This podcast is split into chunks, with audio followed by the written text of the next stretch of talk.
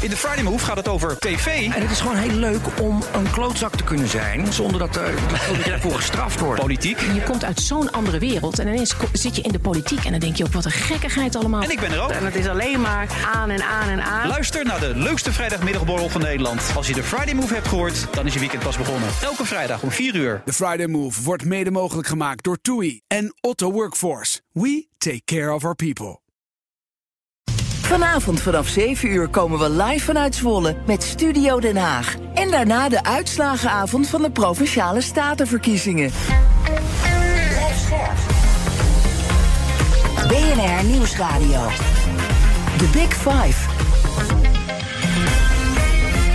Diana Matroos. Nederland verliest steeds meer eigen iconen. Shell, Unilever en DSM zitten al met hun hoofdkantoor in het buitenland. Maar intussen is er ook dreigende taal vanuit Boskalis om datzelfde te doen. En VNO-NCW zegt zelfs dat ons vestigingsklimaat in een vrije val is geraakt. In BNR's Big Five van het vestigingsklimaat bespreek ik met vijf kopstukken of het nou allemaal echt wel zo slecht is. Hoe we Nederland aantrekkelijker kunnen maken voor zowel grote als kleine bedrijven. En waar we nou ook als land in willen uit uitblinken.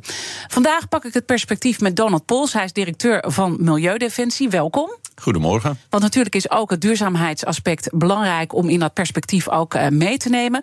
Uh, straks ga ik met je praten uitgebreid wat dan het vestigingsklimaat zou moeten zijn voor duurzame bedrijven. Maar voordat we dat gaan doen, uh, twee dingen die belangrijk zijn om mee te beginnen. Allereerst natuurlijk de verkiezingen, want we zitten op de dag van de provinciale staten. En in de laatste peiling zien we echt een duidelijke verkiezingsoverwinning van BBB. We moeten het allemaal nog afwachten. Maar word je daar zenuwachtig van gezien het stikstofdossier?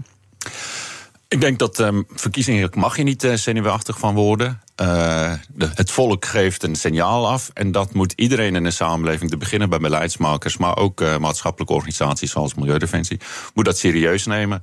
En uh, alles duidt erop dat het volk geeft een hele duidelijke signaal. Dat een deel van de samenleving die voelt zich onvoldoende herkend en gezien door uh, besluitnemers in Den Haag. En dan moeten wij als de wieder weer wat mee gaan doen. En dat is ook onze democratie. Je hebt helemaal gelijk. Maar het tweede wat ik van je wil weten: je bent enorm gedreven om echt te zorgen dat we een omslag maken. En dus dat we het stikstofdossier ook gaan oplossen. En dat dat echt gewoon een versnelling gaat krijgen. Dat hoort daar natuurlijk ook bij. Terwijl we weten dat BBB dat natuurlijk wil tegenhouden. En die worden heel groot in de e-, Eerste Kamer. Dus, dus toch, wat, wat, zijn dan jouw gedachten uh, hoe we daarmee moeten omgaan? Ja, Milieudefensie pleit voor een klimaatbeleid, maar ook een landbouwbeleid, stikstofbeleid van de menselijke maat. Dat betekent dat wij beginnen bij de mensen die het hardst geraakt zouden kunnen worden door uh, beleid. En uh, wat uh, stikstof uh, betreft, moeten we beginnen bij een nieuwe, andere vorm van landbouw. In plaats van enorm te sturen op wat we niet willen, stikstof, moeten we sturen op wat we wel willen. Welke soort landbouw willen wij in Nederland? En dat met die boeren aan de slag gaan om dat type landbouw uit te bouwen en waar nodig ook te financieren. Dus dat, daar zou je alleen maar harder voor moeten werken als BBB natuurlijk groot gaat worden en ook een belangrijke stem in de Eerste Kamer gaat krijgen. Ik ken Caroline nog uit, uit, een vorige, uit haar vorige leven. Toen uh, stonden we samen op het podium uh, te ageren tegen vrijhandelsverdragen. TTIP was dat uh, ja. toen nog. Um, zou ik ken haar goed. En ik weet dat haar hart zit op de goede plaats. En ik kijk ernaar uit om met haar samen te kunnen werken na de verkiezingen. Maar als je kijkt waar we nu in Nederland staan en ook waar jouw drive vandaan komt, dat heeft volgens mij ook met je jeugd te maken? Dat je zo strijdt ook voor de natuur? Ja, klopt. Uh, ik, ben, uh, ik ben opgegroeid in Zuid-Afrika. Dat horen mensen misschien aan, aan het accent. En dat heeft twee dingen. Aan de ene kant ben ik me enorm bewust van het privilege die ik heb opgegroeid in een systeem die mij heeft uh, bevoordeeld op basis van mijn mm -hmm. huidskleur.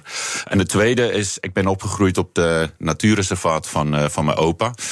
Uh, en heb een enorme liefde voor de natuur. En uh, mijn streven is een samenleving in harmonie met de natuur. En het belang van de natuur, maar zeker ook van de mensen die afhankelijk zijn van de natuur. En als je dan ziet waar we nu staan en de discussies die nu in Nederland worden gevoerd, die je ook heel duidelijk in de politiek uh, ziet terugkomen. Wat voel jij dan? Heb je dan een vorm van frustratie waar we nu uh, staan? Of, of, ja, ik, ik, ben gewoon benieuwd. Die drive van jou is zo sterk. Uh, en tegelijkertijd zien we ook hoe we ontzettend vastzitten op dit moment. Ja, dat is frustrerend voor iedereen die uh, vooruit wil met Nederland. Is dat als je naar die politieke debatten kijkt. De afgelopen, ik ben een politieke junkie. Maar ik had, merkte wel dat ik er een beetje afhaakte de afgelopen weken. Omdat uh, ze blijven zitten in de tegenstelling. Terwijl wat we nodig hebben is hoe gaan we de problemen oplossen. En dan, dat lijkt niet als de politiek dat scherp op de radar hebben. En laten we dat dan ook koppelen aan het vestigingsklimaat. Want daar gaat deze Big Five natuurlijk uh, over. Als je dat aan elkaar koppelt, wat, wat, wat zie je dan uh, gebeuren? Want we proberen ook een beetje nou, te zeggen: gaat het nou goed met ons vestigingsklimaat of niet? Nou, we zien heel veel uh, kritiek van de grote bedrijven. Hoe zou jij ons vestigingsklimaat duiden? Ja, je ziet eigenlijk twee, uh, twee sporen. Aan de ene kant zie je de oude industrie, de oude vervuilende industrie die wij in Nederland hebben opgebouwd op basis van goedkoop gas die in 1970 in Nederland is uh, gevonden. Daar hebben we heel veel uh, vervuilende, energie-intensieve, van gas afhankelijke bedrijven naar Nederland getrokken. En die stem is van wij moeten alles zoveel mogelijk bij het oude houden. De overheidstaak is om ons, die oude bedrijven, te beschermen tegen de gevolgen van klimaatbeleid. Dat kan niet. Dat is een doodlopende weg, kost de samenleving bakken met geld aan subsidie um, uh, en eindigt uiteindelijk toch op de schroothoop. Daartegenover heb je de, de anti, die alleen maar stuurt op van er moet minder CO2. Uh, belangrijk, enorm uh, urgent. Uh, de bosbranden in Oost- of Zuid-Europa, overstromingen nog recent in Limburg en Duitsland. en gebieden in de wereld, in Iran en Bangladesh, is het nu zo warm dat mensen er niet meer kunnen, kunnen leven. zou enorme urgentie om CO2 terug te dringen. Maar de kernvraag is: waar willen we naartoe met Nederland? En hoe gaan wij een bijdrage leveren aan een toekomstige economie, een CO2-arme economie? En die type bedrijven, hoe gaan wij daarop sturen? En, en zo zou dus dat vestigingsklimaat ook gedefinieerd moeten worden. En eh, volgens mij vind je niet dat dat voldoende gebeurt. Als je kijkt wat er nu eh, ook in relatie tot jouw opmerking richting de politiek zojuist. Nee, in tegendeel. Wat je ziet is uh, de overheid reserveert tientallen miljarden. Ik denk, denk op dit moment, het ligt er een beetje aan hoe je het berekent, maar meer dan 30 miljard als subsidie voor uh, bedrijven. Maar dat uh, geld wordt vooral gereserveerd om oude vervuilende bedrijven te beschermen. Door bijvoorbeeld te investeren in CO2-opslag en uh, afvang en opslag en het onder de grond stoppen dat neemt de overheid dus als verantwoordelijkheid op zich. Daardoor hoeft die bedrijven die die CO2 uitstoten niet meer te veranderen. Terwijl wat je moet doen is gaan sturen op de nieuwe economie. Uh, net zoals de Denen leidend zijn op het gebied van windenergie, mm-hmm. de Duitsers leidend op het gebied van uh, zonne-energie, moet Nederland een keuze maken en gaan sturen op uh, een, een technologie, een industrie en sector. waarbij wij het verschil kunnen maken internationaal op het gebied van klimaat. En je zegt nu worden eigenlijk de verkeerde dingen gestimuleerd. Toch vind ik het interessant en ik begrijp jouw uitleg ook daarbij. Maar ik vind die bedragen altijd zo interessant. Want nu zeg jij 30 miljard en eerst uh, was het uh, eh, 17 eh, miljard aan subsidies, fossiele subsidies waar jullie op wezen. Terwijl de overheid zegt, de Rijksoverheid, die zegt het gaat om 4,5 miljard. Ik, ik, ik snap het dan niet meer. Hè? Dan denk ik van, wat is het nou? En hoe ben jij ook van die 17 opeens naar die 30 gesprongen? Ja, de 30 miljard is beschikbaar als subsidie voor, voor klimaatverbetering. Uh, uh, dus CO2-reductie. Die 17 miljard waar we naar verwijzen... is de subsidie die op dit moment beschikbaar is... voor fossiele uh, stimulering. En dan denk je zoals, aan, aan zaken zoals uh, dat grote olieraffinaderijen geen belasting hoeven te betalen. Dat is bijvoorbeeld een, een subsidie. En Um, ik begrijp wel die frustratie van uh, de jonge mensen, veelal jonge mensen die de straat op gaan en uh, uh, een snelweg gaan blokkeren. Mm -hmm. Je was er ook bij, hè? Ik was er ook bij. Van inderdaad. Extension ja, Rebellion. En solidariteit. Ik ja. stond niet op de, op de snelweg. -huh. maar daarnaast, um, de eerste afspraak om fossiele subsidies af te schaffen is uit 2009. En nu hoor je ons kabinet zeggen van naar aanleiding van de demonstraties van uh, Extinction Rebellion. Wij gaan nu uitzoeken wat, wat zijn die subsidies nou. Dat is meer dan tien jaar later. We gaan er een commissie op zetten, Precies. die gaan het even uitzoeken. Dan snap ik wel, als je een probleem hebt, is het eerste wat je moet doen, stoppen met het probleem verergeren. Wij hebben een klimaatprobleem. Mhm. Het eerste wat je moet doen, nog voordat je gaat hebben over welke type economie we willen hebben, stop met het financieren van het probleem. Als je een gat zit, mhm. is het eerste wat je moet doen als je eruit wil, stoppen met Maar toch, hè, die, het, is dat is het interessante. Het is net ook hoe je rekent. Want jullie hebben het dan over 17 miljard, terwijl de overheid zegt het is 4,5. Ja, de overheid heeft die 4,5 een reactie op een rapport van uh, Milieudefensie. Wij hebben heel conservatief hebben wij gerekend. Toen kwamen we uit op 8 miljard. Uh, en die 8 miljard is op basis van de definities van het Internationaal Monetair Fonds. Uh, de overheid die hanteert een veel striktere Um, definitie. En die kwam uit op 4 miljard. Overigens is 4 miljard voor het veroorzaken van klimaatverandering ook al te veel. En Extinction Rebellion gebruikt die 17 miljard. Wat wij hebben nagelaten is, wij hebben op een aantal posten... dat je niet kon doorrekenen omdat wij te weinig uh, informatie hadden... Uh, heeft een, uh, een econoom, uh, die vroeger in de Eerste Kamer zat, senator, die heeft die, die gaten heeft hij wel doorgerekend en dan komt hij op 17 miljard. Ja, maar dat is dus best wel moeilijk om op te sturen en ook ja, wat het dan uiteindelijk is. Wat, wat, wat zeg jij over dat gegogel met cijfers? Want het is natuurlijk net ook in ik denk dat we het ook even breder moeten trekken, dat punt. Want het is natuurlijk steeds wat laat je zien. Uh, uh, en, en waar kan je dus op afgerekend worden? En dat is denk ik ook het spel wat nu gaande is. Precies, je ziet dat uh, de overheid die, die probeert ruis te creëren... door te gaan goochelen met cijfers. Ik zeg, maakt niet uit of het 4, 8 of 17 miljard is. Mm -hmm. De taak van de overheid is om te zeggen... wij gaan meteen stoppen met alle financiering van de fossiele industrie. En of dat nou 4, 8 of 17 miljard is, binnen een jaar is het afgelopen met fossiele subsidies. The Big Five. Diana Matroos. Mijn gast is Donald Pols. Hij is de directeur van Milieudefensie. Je zegt gewoon keihard uh, aanpakken. En dat is natuurlijk ook de lijn die jullie hebben gevolgd met die grote klimaatzaak tegen Shell, die jullie gewonnen hebben. Die overigens uh, wel nu nog in hoger beroep loopt. Dus spannend wat daar uh, uiteindelijk gebeurt. Maar jullie lijn is helder. Nu zie je frictie ontstaan. En die is nogal sterk. Ook bijvoorbeeld als het gaat om die internationaal maatschappelijk verantwoord ondernemen initiatiefwet. PvdA, GroenLinks en ChristenUnie die zijn met die initiatiefwet gekomen. En dat wordt aan alle kanten wordt dat, uh, tegengewerkt. Allereerst even aan jou de vraag: wat is nou het grootste misverstand over die wet? De grootste misverstand is dat, uh, uh, dat het bedrijven gaan verjagen. Het tegendeel is waar. Er zijn al een aantal landen om ons heen die vergelijkbare wetgeving heeft. Ik noem de Verenigd Koninkrijk, Duitsland, Frankrijk. En daar heeft het alleen maar geleid tot, tot meer bedrijvigheid. Dus dat is het grootste misverstand. En misschien ook de bestuurdersaansprakelijkheid. Want dat ontkracht een uh, zeeman bijvoorbeeld. Ja, klopt. Uh, um, die voor die infowetgeving is, hè? Voor alle VNO, de koepel van het grote bedrijfsleven...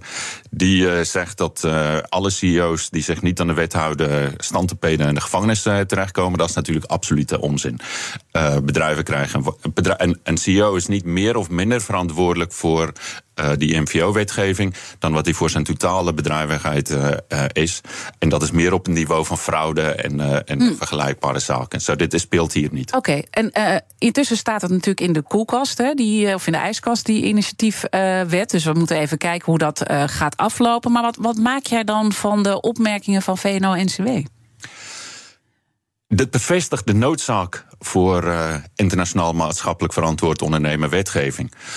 Um, want VNO zegt, wij doen het allemaal al. Maar als ze het allemaal al doen, als ze al maatschappelijk verantwoord ondernemen, dan zouden ze wetgeving helemaal niet moeten vrezen. Want dan heb je een soort, uh, is de ondergrens uh, vastgesteld voor alle bedrijven, ook buitenlandse bedrijven die in Nederland uh, willen opereren. en kan je gewoon met een level playing field in een jargon van het bedrijfsleven, kan je aan de slag. Maar zij, hun angst voor internationaal maatschappelijk verantwoord ondernemen wetgeving illustreert de noodzaak daarvan. En ik geef maar één voorbeeld. Wij hebben afgelopen jaar hebben we een, een rechtszaak gewonnen van Shell voor een vervuiling in uh, Nigeria. Mm -hmm. Een rechter was nodig om Shell ertoe te bewegen om na 13 jaar juridische strijd één als een rotzooi die hij heeft veroorzaakt een olievervuiling in Nigeria op te ruimen. Te voorkomen dat toekomstige vervuiling zou plaatsvinden. En een schadevergoeding te betalen aan die mensen die daar wonen. Om je een beeld te geven hoe heftig dat is. De kindersterfte in de regio waar wij de zaak gewonnen hebben. is twee keer zo hoog als in de rest van, uh, mm -hmm. van Nigeria. Mm -hmm. De uh, gemiddelde leeftijd is tien jaar lager dan in de rest van uh, Nigeria. En het had een rechter nodig om Shell te dwingen om zijn verantwoordelijkheid te nemen. Het is te gek voor woorden dat een maatschappelijke organisatie als Milieudefensie keer op keer bedrijven voor de rechter moeten slepen om te zorgen dat ze zich gewoon. Want je zegt, die bedrijven moeten dat uit zichzelf uh, doen, eigenlijk. Of de overheid moet ze daartoe uh, dwingen. En dan heb je de zogenaamde IMVO-wetgeving nodig. Ja, en, en dat klinkt dan allemaal um, heel makkelijk, maar de, de, uitvoering is altijd complex. Heb je enigszins begrip voor de punten die bedrijven uh, eigenlijk benoemen? Van één, nou ja, dat ongelijk speelveld, die heb je al van tafel geveegd. Want je zegt er zijn gewoon andere landen in Europa die hier al mee bezig zijn. Maar je zou wel kunnen zeggen, internationaal gezien uh, creëer je wel een ongelijk speelveld. De uitgangspunt is dat um, wij naar een, een, wereldeconomie gaan. Ik hou het even op klimaat. Mm -hmm. Een CO2-arme wereldeconomie. Daar wil je als bedrijf op voorsorteren. Wie als eerste voorgesorteerd heeft, heeft een voorsprong op zijn uh, concurrenten. Het IMVO-wetgeving, de maatschappelijk verantwoord uh, wetgeving, die zorgt en helpt bedrijven om uh, die voorsprong te, te ontwikkelen. En laten we wel wezen. Het is natuurlijk te gek voor woorden dat een bedrijf zegt: het bedreigt mijn concurrentiepositie als ik niet gebruik, als ik gedwongen word om niet gebruik te maken van kinderhandjes bij mijn uh, productie. Het gebruik van onacceptabel uh, uh, productiemethoden, zoals het gebruik van kinderen bij jouw productie, zou gewoon niet acceptabel moeten zijn. Mm -hmm. Dan zou je, en om mee te beginnen, geen wetgeving nodig Dus je begrijpt het überhaupt gewoon niet dat iemand zo'n standpunt uh, inneemt, terwijl het natuurlijk wel gaat om het verdienmodel ook van een bedrijf. Dus ik, ik snap ja. jou ook helemaal, maar je kan ook niet uh, in één keer zorgen dat zo'n bedrijf eens, ten onder gaat. Neem eens een voorbeeld van uh, Boskalis. Die stond voorop uh, ja. in de strijd tegen die IMVO-wetgeving. Zij zeggen, um, de vestigingsklimaat in Nederland is afgenomen. Datzelfde bedrijf heeft de afgelopen jaar 60% meer winst gemaakt dan de jaar daarvoor. Wat nou? Vestigingsklimaat. Dat bedrijf heeft uh, een opdracht maar dat, dat is en terugkijken. van anderhalf miljard. Het, het, gaat over de impact als deze infowetgeving uiteindelijk wordt doorgevoerd. Uh, dan heeft dat natuurlijk wel impact op de winst in de toekomst. Dus de, jij kijkt nu terug. De vraag is, als dat al zo zou zijn, mm -hmm. want alle um, voorbeelden in de rest van de landen om ons heen laat zien dat het niet het geval is. Dat het niet ten koste gaat, IMVO-wetgeving niet ten koste gaan van de concurrentiepositie en de winstgevendheid. En zelfs al zou dat zo zijn, dan zou je dat niet moeten willen. Je kan toch niet landen en gemeenschappen en de levens van mensen kapot maken. omdat je zegt: ik verdien daar een euro meer of uh, meer uh, van. Mm -hmm. Het zou gewoon, dat is de ondergrens waar je als bedrijf uh, in zou willen en moeten opereren. En als je dan ziet dat nou, de topman van Boskalis heeft nou, heel veel aandacht gevraagd hè, via de media. En uiteindelijk is er een heel katsenhuisoverleg gekomen. De lijst was nogal indrukwekkend. wie daar allemaal bij zat. Wat vind je daar dan van? Ja, dat laat natuurlijk de enorme macht van uh, multinationals in Nederland uh, zien. Zo'n CEO die uh, zegt spring en het kabinet vraagt hoe hoog. Ja. die doet een interview in de kranten en die zegt van niemand luistert meer naar mij. De tranen rolden van mijn gezicht af toen ik die artikel las. En een week later zit hij met het hele kabinet uh, een gesprek te voeren over wat de, uh, de overheid kan doen om het makkelijker te maken voor bedrijven. En laat ik wel wezen, laten we het beestje gewoon bij zijn naam noemen. Zij praten over, zij hebben versluierend taalgebruik. Ze noemen het vestigingsklimaat. Maar het gaat maar over één ding. Ze willen minder belasting betalen en meer subsidie ontvangen. En dan neem ik aan dat je ze ook probeert aan te spreken op, dit, op deze punten. Want dat doen jullie altijd met het bedrijfsleven. Daar gaan we zo meteen ook nog wat dieper op in. Hoe die gesprekken dan allemaal uh, gaan. Maar uh, heb je al met de topman van Boskalis om de tafel gezeten? Wij hebben een uitnodiging en uh, je hoort ze altijd roepen van wij willen zo graag met de samenleving een gesprek. Wij hebben meerdere uitnodigingen en ik wil overigens de, deze uitzending ook gebruiken om die uitnodiging te herhalen. Ik daag je uit. Ga met mij in gesprek over het vestigingsklimaat en maatschappelijk verantwoord uh, ondernemen. Want tot op heden durfde uh, in ieder geval de topman van Boskalis durfde dat niet. En VNO-NCW? Uh, ook nog niet gebeurd. Uh, zij, zij, vinden de veilige omgeving van, uh, van de media. Dat, dat vinden ze een hele mooie platform om te roepen dat, uh, dat iedereen in een gesprek moet blijven. Maar de gesprek daadwerkelijk aangaan, dat durven ze niet. Nou, overigens hebben wij ook Boskalis, de topman, uitgenodigd voor deze Big Five. En ook de voorzitter van VNO-NCW, maar allebei konden ze niet. Hij zou houden van niet luisteren. Nou ja, het kan agendatechnisch natuurlijk een keer niet kunnen. Want de voorzitter van VNO-NCW is hier wel heel vaak te gast trouwens bij de Big Five. Um, maar goed, dit, dit, dit, dit is dus het spanningsveld uh, uh, waar het om draait. En toch zeggen jullie eigenlijk: dit is nog niet genoeg. Want jullie willen dat die infowetgeving eigenlijk nog meer uh, wordt uitgebouwd. En dat het eigenlijk nog moeilijker wordt voor het bedrijfsleven om uh, nou ja, te doen wat ze. Foute dingen te doen. Nou ja, ik, dat, dat, dat zo zou ik het niet willen zeggen. Dat zijn jouw woorden. Maar door te gaan op het spoor waarop ze dat nu doen. Nee, het, ik begon door te zeggen: de discussie is een beetje een, een, een, een, een doodlopende weg terechtkomen van wat je niet wil en daar eisen aan de, aan de. Wat je nodig hebt, is een stip op de horizon.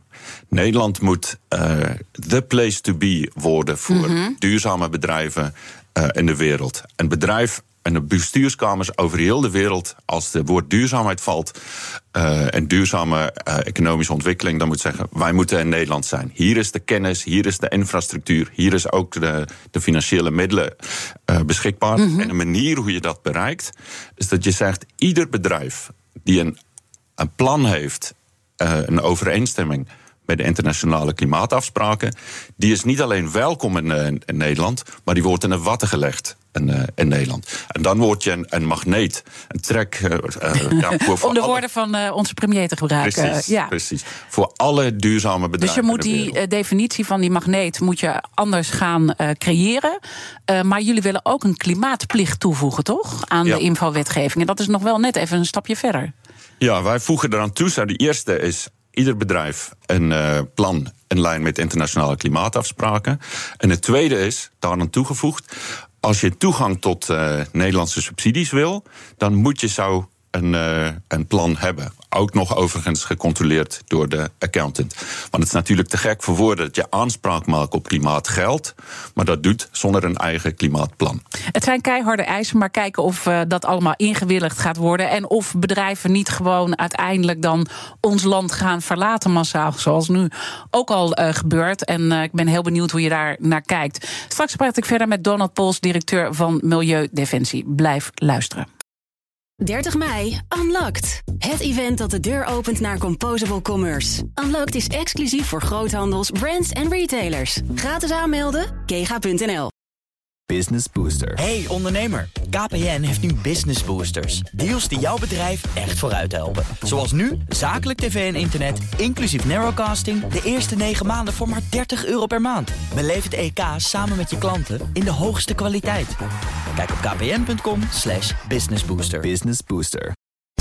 Vanavond vanaf 7 uur komen we live vanuit Zwolle met Studio Den Haag. En daarna de uitslagenavond van de Provinciale Statenverkiezingen. BNR Nieuwsradio. The Big Five. Diana Matroos. Welkom bij het tweede half uur. Deze week praat ik met de vijf kopstukken uit de wereld van het vestigingsklimaat. Eerder sprak ik er al over met Jacco Vonhoff, voorzitter van MKB Nederland. Hij gaf aan dat we ook het ondernemersklimaat wel wat meer mogen benoemen. Het gesprek is terug te luisteren via onze BNR-app. Mijn gast vandaag is Donald Pols, directeur van Milieudefensie.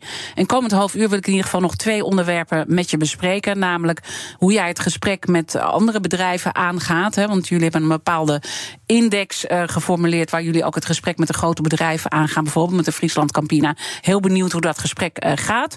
En het uh, vertrek van de grote bedrijven, de Nederlandse iconen. En laten we met dat laatste beginnen, uh, want daar hoort ook een beetje de kettingvraag bij van Jacco Vonhoff, die ik net al eventjes noemde. Luister maar. We horen veel over de industrie dat, dat die vervuilers uit Nederland moeten vertrekken. Hè, als, als ze niet belangrijk zijn voor regionale werkgelegenheid en onze strategische autonomie. Is dat voor u ook een oplossing? Of moet Nederland juist voorop lopen met een schone en duurzame industrie? Het is eigenlijk een dubbele vraag. Maar het gaat toch wel over het vertrekken ook van de grote bedrijven. Ja, ja het, uh, te starten bij uh, mijn een harte kreet. Ja, wij moeten voorop lopen op het gebied van de duurzame en schone industrie. Meer nog, wij moeten de, de magneet worden in de wereld voor uh, bedrijven die daar op het gebied van duurzaamheid voorop willen lopen. Um, en daarbij, uh, en daar hebben we ook de noodzakelijke regelgeving nodig. En het begint bij stabiliteit, voorspelbaarheid uh, van de overheid. Ik vermoed dat we elkaar daarin uh, kunnen vinden. Tegelijkertijd moet gezegd worden dat beeld alsof de vestigingsklimaat in Nederland uh, achteruit loopt, is natuurlijk totaal van de pot gerukt. Er staat helemaal. Het, het, lijkt alsof een deel van het bedrijfsleven een soort parallel, in een parallele werkelijkheid leeft. Ons premier, Mark Rutte, zegt zelf: de geldklots tegen de plinten. We zijn een magneet. Uh, wij zijn al een magneet. Uh, de afgelopen jaar hebben uh, bedrijven aan aandeelhouders 20% meer dividenden uitgekeerd. Er zijn 15% meer bedrijven die de afgelopen tijd in Nederland heeft geïnvesteerd. En ik snap wat je zegt, maar we kunnen niet negeren dat een Shell is vertrokken, dat een Unilever is vertrokken naar het buitenland en ook een DSM. Weliswaar om verschillende redenen. Maar ze zien het eigenlijk dus niet meer zitten in Nederland. Dat is wel een signaal natuurlijk, wat we zeggen. Uh, dat moeten we serieus nemen. Waarvan VNO-NCW ook zegt dat moeten we serieus nemen. Want dit leeft breder en het bedrijfsleven voelt zich met de nek aangekeken. Boskalis is daar ook weer een voorbeeld van. Ja, ieder van die bedrijven heeft aangegeven dat de primaire reden waarom zij vertrekken is om uh, een onbetrouwbare overheid. Daar is een, die uh, oproep, daar steunt uh, Milieudefensie die bedrijven. Ja, wij moeten een, een voorspelbare uh, beleid gaan voeren, gericht op verduurzaming van de industrie. Waarom ontbreekt dat nog? Want dat is eigenlijk van elke kant, hè, zowel de voor- als de tegenstanders. Want jullie gaan natuurlijk met elkaar in debat vanuit het bedrijfsleven en nou, jullie vanuit de milieuorganisaties. Hoe verklaar je die opstelling van de overheid? Ja. Is het onmacht of is het. Wat is het? De Nederlandse politiek is natuurlijk zeker de afgelopen jaren niet onbekend geworden van zijn daadkracht en uh, knopen doorhaken. En wat je ziet is dat wij uh, opvolgende kabinetten die eigenlijk van alle walletjes mee willen eten. Dus ze willen één profiteren van de oude vervuilende industrie. Eén, ze willen kijken of ze mee kunnen surfen op de nieuwe groene golf uh, van de schone economie. Maar ja, uiteindelijk moet je keuzes maken. Je kan een euro maar één keer uitgeven. De regels uh, kan of vervuiling stimuleren of vervuiling tegengaan. En het is tijd dat de overheid kiest en aan iedereen in de samenleving, inclusief het bedrijfsleven, mm -hmm. een duidelijke richting aangeeft. Maar ergens moet je toch ook een transitie maken. Want ja, ik bedoel, uiteindelijk willen we allemaal goed zijn voor de planeet. Ik denk dat niemand uh, ook tegen de planeet uh, is. Hè? Om het maar even zo helemaal plat uh, te slaan. Uiteindelijk moet je ook wel zorgen dat die bedrijven in transitie kunnen komen. Dus het is toch logisch dat je een beetje en-en wil. Je moet ze in beweging krijgen. Dat is de kern. En om je voorbeeld te geven, sinds het ondertekenen van de eerste internationale klimaatakkoord, meer dan 30 jaar geleden, is de CO2-uitstoot van de Nederlandse grote bedrijven nauwelijks gedaald. Terwijl wij moeten naar nul. Um, en dan zeg ik, in die 30 jaar is het de overheid dus niet gelukt om die bedrijven die bijna de helft van alle mm-hmm. CO2-uitstoot in Nederland vertegenwoordigen, in beweging te krijgen. En dan zijn andere stappen nodig. En wij hebben als Milieudefensie hebben voor het eerst uh, een onderzoek laten doen naar het klimaatbeleid van de, de grote bedrijven. En de uitkomsten waren schokkend. Het bleek dat geen één van de onderzochte bedrijven een klimaatplan heeft in lijn met internationale klimaatafspraken. Nou, hoe gaat het ons als samenleving lukt om gevaarlijke klimaatverandering te voorkomen als de grootste uitstoters, die ook nog het meeste subsidie ontvangt, niet hun verantwoordelijkheid En eigenlijk zeg je, die, die relatie die kan je heel duidelijk met elkaar leggen. Want omdat ze die subsidie krijgen, uh, denken ze... het zal zo'n vaart niet lopen, ik kan nog wel even doorgaan op deze manier. Precies, wat, wat onze overheid doet... in plaats van dat hij schone industrie stimuleert... gebruikt die enorme hoeveelheden, miljarden en miljarden... Um, publieksgeld om bedrijven te beschermen tegen de gevolgen van klimaatbeleid. En daardoor remmen wij eigenlijk de transitie af. Maar wat zeg je dan tegen bedrijven die zeggen: we vinden, voelen ons niet meer welkom uh, in Nederland? Wat zeg je daar dan tegen? Ik zou tegen die bedrijven zeggen: trekken samen met milieuorganisaties en andere progressieve krachten op richting de overheid om van de overheid daadkrachtige en duidelijke klimaatbeleid te verwachten, waarop bedrijven kunnen anticiperen, waarop ze investeringen kunnen uh, plegen, wat op de korte en de lange termijn zich terugverdient. Maar maakt het je uit als die bedrijven dan weggaan? Zo'n Shell die dan weggaat, maakt dat, maakt dat je uit als je kijkt vanuit de kracht van Nederland? Want we hebben daar dus niks meer over te vertellen nu op dit moment. Ook niet over de hogere, uh, die, die hele hoge uitkeringen qua winst die er zijn geweest. Hebben we niks meer over te vertellen. Als een groot vervuilende bedrijf uh, wil vertrekken om duurzaamheidsreden, dan zou ik zeggen good riddance. En uh, dan ontstaat er meer ruimte voor schone investeringen. En misschien is het voorbeeld van Shell een hele goede. De investeringen en duurzame energie door Shell is toegenomen sinds het vertrek van, uh, van Shell. Eigenlijk laat het zien dat uh, als een grote vervuiler vertrekt, dat er meer ruimte ontstaat in de economie voor nieuwe, innovatieve uh, mm, Maar we hebben tegelijkertijd de nieuwe topman gezegd: we gaan zorgen dat dit een heel goed aandeel gaat worden. We gaan heel goed zijn voor de belegger. En Ben van Beurden heeft eerder ook gezegd: we gaan flink olie pompen. Dus ja, ik bedoel, ze doen misschien iets meer, maar het is toch, het is toch duidelijk welke kant dit bedrijf nu opgaat. Ja, je hebt het um, over hoe stuur je op verandering. Mm -hmm. En ik ben van de school, je stuurt op positieve energie. Zo, dat wat goed gaat, dat vergroot je uit. En um, in Nederland moet je dus sturen op uh, het uitvergroten van de, de, Nederlandse verdienpotentie op het gebied van, uh, van duurzaamheid. Tegelijkertijd Um, uh, blijft Milieudefensie natuurlijk de grote vervuilers achter de broek uh, zitten. Want uh, de hoger beroep richting Shell, om Shell daartoe te bewegen om zijn CO2 te reduceren en lijn met internationale klimaatafspraken, die komt eraan. Ja, ik, ik hoor er niet zoveel meer over eigenlijk, over dat, over dat hoger beroep. Ja, dat gebeurt natuurlijk. Uh, het is een juridisch proces. Dat gebeurt vooral uh, achter de schermen. Ons uh, juridisch team, ons advocatenteam en de advocatenteam van, van Shell is keihard aan het werken om te zorgen dat wij het hoger beroep, in ieder geval Milieudefensie zorgt ervoor dat wij het hoger beroep gaan winnen.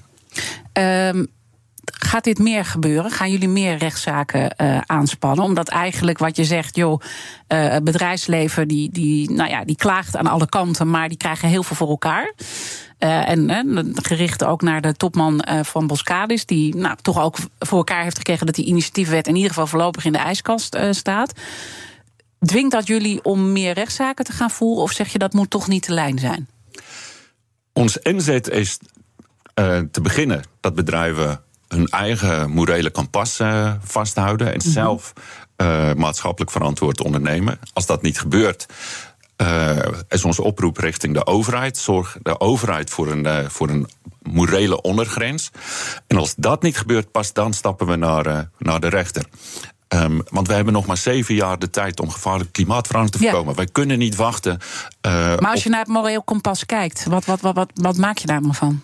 Die, um, die is er helaas maar zeer beperkt. Ik uh, gebruikte de voorbeeld van ons onderzoek naar het klimaatbeleid van uh, bedrijven, de grootste bedrijven in Nederland. En het bleek dat geen enkel bedrijf uh, een klimaatplan heeft in lijn met internationale afspraken. Maar het is natuurlijk ook heel moeilijk om een plan te maken als de overheid heel onduidelijk is waar het naartoe gaat. Dus, dus kunnen ze er echt wat aan doen? Daar, ja. daar, daar, daar ja. vinden jullie elkaar. Ja. En de rechter heeft ook gezegd, en dat is heel interessant, um, dat juist als omdat regelgeving ontbreekt, hebben bedrijven een autonoom en zelfstandig verantwoordelijkheid om um, maatschappelijk verantwoord te ondernemen. Bij het ontbreken van regels, zegt de rechter, en terecht, dat uh, vindt Milieudefensie ook. Bij het ontbreken van regels is het de verantwoordelijkheid van een bedrijf om zelf maatschappelijk verantwoord te ondernemen. Denk je dat die invalwetgeving er nou gaat komen of niet? Want hij zit nu voorlopig, uh, staat hier in de ijskast. Ik hoop echt dat het grote bedrijfsleven de druk op de overheid gaan vergroten. Net dus... zoals Zeeman eigenlijk, die zegt Precies. kom met die wet. En ik zou mijn uitnodiging aan bedrijven zou zijn trek de tapijt onder de voeten van uh, de rechtszaken van Milieudefensie. Want als er regelgeving is, is er geen ruimte voor ons om naar de rechter te stappen. 30 mei, Unlocked. Het event dat de deur opent naar Composable Commerce. Unlocked is exclusief voor groothandels, brands en retailers. Gratis aanmelden, kega.nl. Business Booster. Hey ondernemer, KPN heeft nu Business Boosters. Deals die jouw bedrijf echt vooruit helpen. Zoals nu, zakelijk tv en internet, inclusief narrowcasting... de eerste 9 maanden voor maar 30 euro per maand. Beleef het EK samen met je klanten in de hoogste kwaliteit. Kijk op kpn.com slash businessbooster. Business Booster. BNR Nieuwsradio. The Big Five. Diana Matroos. Je luistert naar BNR's Big Five van het vestigingsklimaat. Later deze week ga ik nog over dit thema spreken met Paul de Krom van de VNCI, de brancheorganisatie voor de chemische industrie. Ook hij gaf onlangs aan dat chemiebedrijven overwegen om, uit ons land te vertrekken. Mijn gast vandaag is Donald Pols, directeur van Milieudefensie. Je hebt net een kettingvraag beantwoord, maar die vraag gaat door. Morgen spreek ik met Constantijn van Oranje. Hij is natuurlijk de ambassadeur voor de start-ups en scale-ups uh, in ons land en uh, voornamelijk ook de techbedrijven. Wat zou je hem willen vragen? Mijn vraag aan Constantijn is eh, gericht op uh, wat willen wij van de overheid. We hebben net met elkaar besproken dat bedrijven willen vooral stabiliteit en voorspelbaarheid. Willen we van de overheid dat de overheid de oude vervuilende industrie beschermt tegen de gevolgen van ambitieus klimaatbeleid?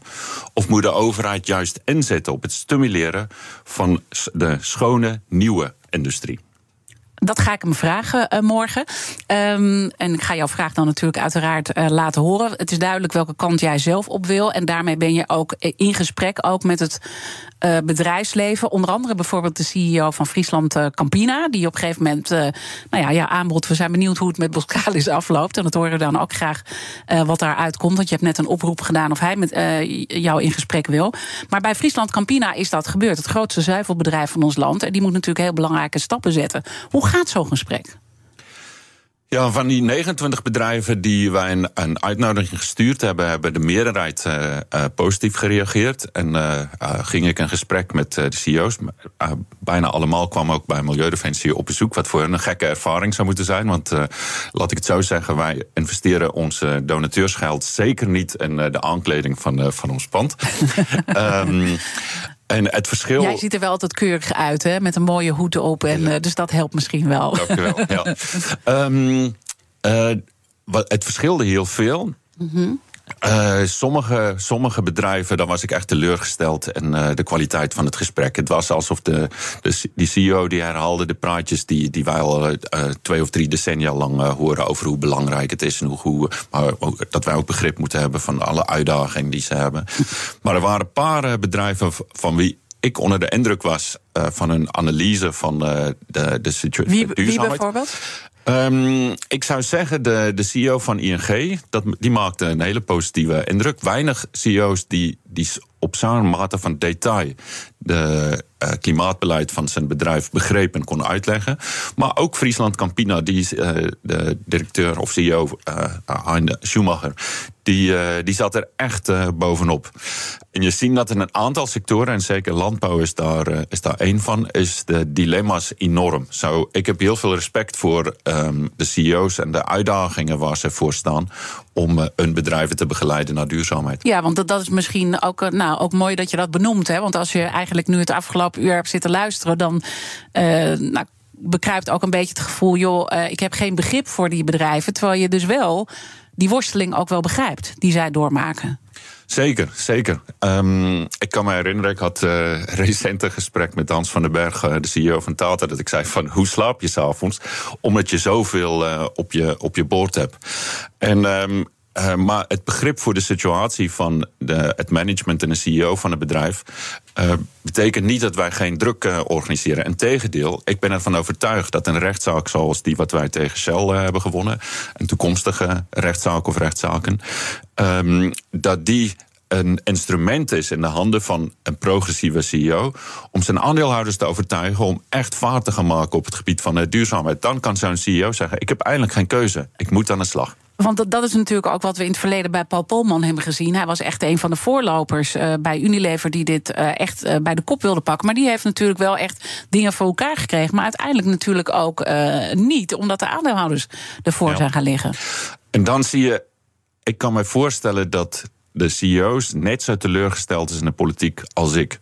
Want zo'n CEO dat zijn nek uitsteekt, die voorop uh, gaat lopen. Eigenlijk zou de politiek moeten zeggen: dat wordt de ondergrens. Wat de, wat de voorlopers doen, dat wordt de ondergrens voor alle bedrijven. Dan mm -hmm. stimuleer je uh, koplopers. Want de koploper zet dan het standaard. En dat hoor je natuurlijk ook vanuit Zeeman, die dat ook op die manier uh, formuleert. Hè, van geef ons die wetgeving, want dan, dan weten we, hè, want wij willen dit en we zijn ook al bezig. En dat helpt ons ook in juist een eerlijke speelveld.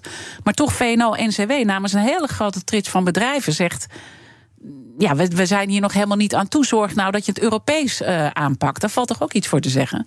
Ja, het is natuurlijk een koepelorganisatie. Uh, vertegenwoordigt bijna altijd. Uh, de achterlopers, dat is jammer. Het, uh, maar dat is hoe een dynamiek van een koepel, koepelorganisatie. Je probeert altijd de achterblijvers ook erbij te houden. Um, daarom, er is natuurlijk ook een organisatie uh, van, uh, van voorlopers in Nederland. En die, die zou een veel prominentere plaats moeten krijgen in het debat. Wat je ziet wat bedrijven doen, is zijn lobbyen in Nederland tegen de IMVO-wetgeving, wet maatschappelijk verantwoord ondernemen. En dan zeggen ze, ja, dat moeten we veel beter in Europa. Ja. maar in Europa voeren ze precies hetzelfde lobby tegen maatschappelijk verantwoord ondernemen. Dus dan zeg je, wat, wat is dan je verhaal? is het gewoon een trucje. Ze proberen op ieder podium uh, uh, duurzaamheidswetgeving te verwateren en te ondermijnen. Met het argument dat je het ergens anders uh, moet gaan regelen. Want in Europa zeggen ze, ja, het is heel belangrijk, al die wetgeving, maar dat moeten wij internationaal regelen. Nou, zeg dat je, komt natuurlijk nooit voor elkaar ja, internationaal. Nou zeg je van ik ben dus wel tevreden hoe sommige bedrijven daar dan uh, nou, mee omgaan. En je noemt dan ING, je noemt ook een, een Friesland Campina. Toch weten we van Friesland Campina dat die ook niet uh, op het vee zal gaan uh, beperken. Weet je wel? Die zeggen ook gewoon, ja, de wereldbevolking groeit. En er is gewoon een enorme vraag ook naar zuivel. Dus we zullen, dat, we zullen wel iets meer naar die, naar die vegan producten gaan. Maar we blijven ook op zuivel inzetten. Hoe, wat maak je daar dan van dat je toch tevreden bent? Laat ik beginnen met te zeggen: er is geen enkel scenario. Mm Waarin we doorgaan met de hoeveelheid consumptie van uh, zuivelproducten en vlees, vee dus, uh, en een leefbare aarde behouden. Dat is gewoon onmogelijk. Wij moeten terug naar de consumptie van vlees en zuivel. Um, en dat zo'n CEO dat begrijpt, want dat is ook zo, die ziet dat ook.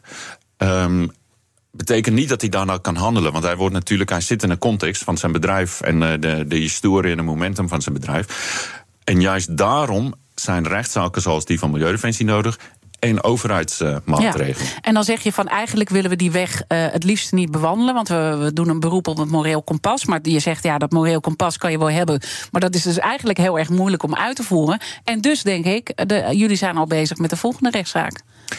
Ja, maar daar kan ik niet te veel over uh, zeggen. Nee. Um, om twee redenen. Wij hebben de finale keuze nog niet gemaakt. Die gaan we doen op basis van uh, twee, uh, twee dingen. De eerste is, wij stellen uh, de komende aandeelhoudersvergaderingen gaan wij uh, uh, juridische vooronderzoek doen. En een vorm van vragen die wij aan de, de bedrijven gaan stellen tijdens de aandeelhoudersvergaderingen. En er komt natuurlijk de tweede um, uh, klimaatcrisisindex, de evaluatie van het klimaatbeleid van de bedrijven komen eraan. En op basis van die twee gaan wij een finale keuze maken.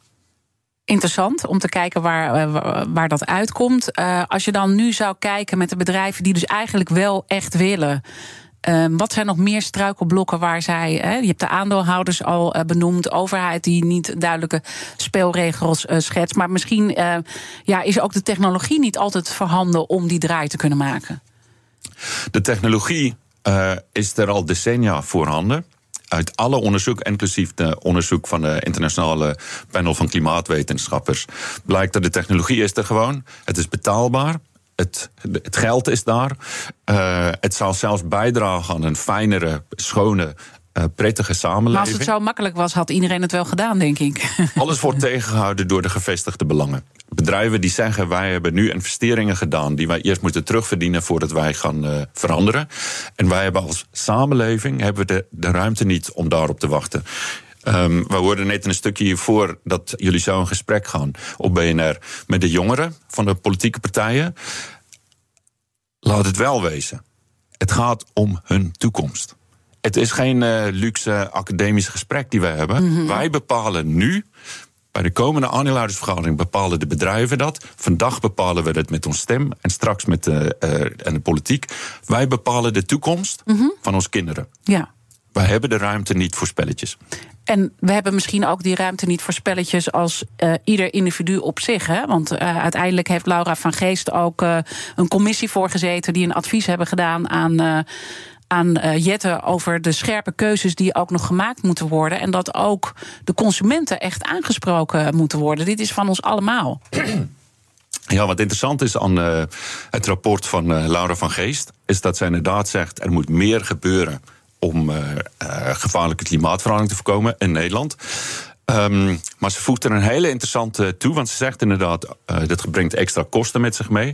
Maar ze zegt, Doe nou eindelijk als kabinet rekening houden met de verdeling van de kosten over de samenleving. Want de afgelopen jaren hebben wij, en vooral dit kabinet, heeft de last van het klimaatbeleid vooral gelegd bij mensen met een kleine portemonnee. Mensen die het minst CO2 uh, uh, uitstoot, moeten ook het meest doen om CO2 terug te dringen. Dat is natuurlijk te gek voor woorden. En Laura van Geest zegt: leg nou de last bij de mensen met de grootste mhm. portemonnee, de sterkste en de breedste schouders, die ook nog toevallig het meeste CO2 uitstoten. Ben je nog een beetje hoopvol?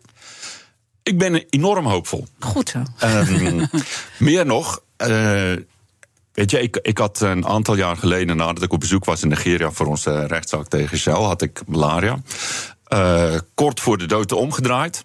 En die ervaring, als je ziet wat, wat de wetenschap uh, kan doen om, uh, ons, om mijn leven te redden, maar uh, met mij honderden miljoenen mensen in de wereld per jaar. Wij kunnen zo enorm veel doen het kan als gewoon. samenleving. Het kan gewoon. Als we ons ertoe zetten. Goed. Uh, we gaan het volgen met jou waar het allemaal uh, naartoe gaat uh, uitmonden. Dankjewel, Donat Pols, directeur van Milieudefensie, dat je onze gast wilde zijn. Natuurlijk kan je alles van de Big Five terugluisteren. Abonneer op onze podcast via onze app of je favoriete podcastkanaal. Maar blijf vooral live. Zometeen Connor Klerks met BNR Breekt. Natuurlijk rondom de verkiezingen. Heel belangrijk. Ga stemmen. 30 mei, Unlocked. Het event dat de deur opent naar Composable Commerce. Unlocked is exclusief voor groothandels, brands en retailers. Gratis aanmelden, kega.nl.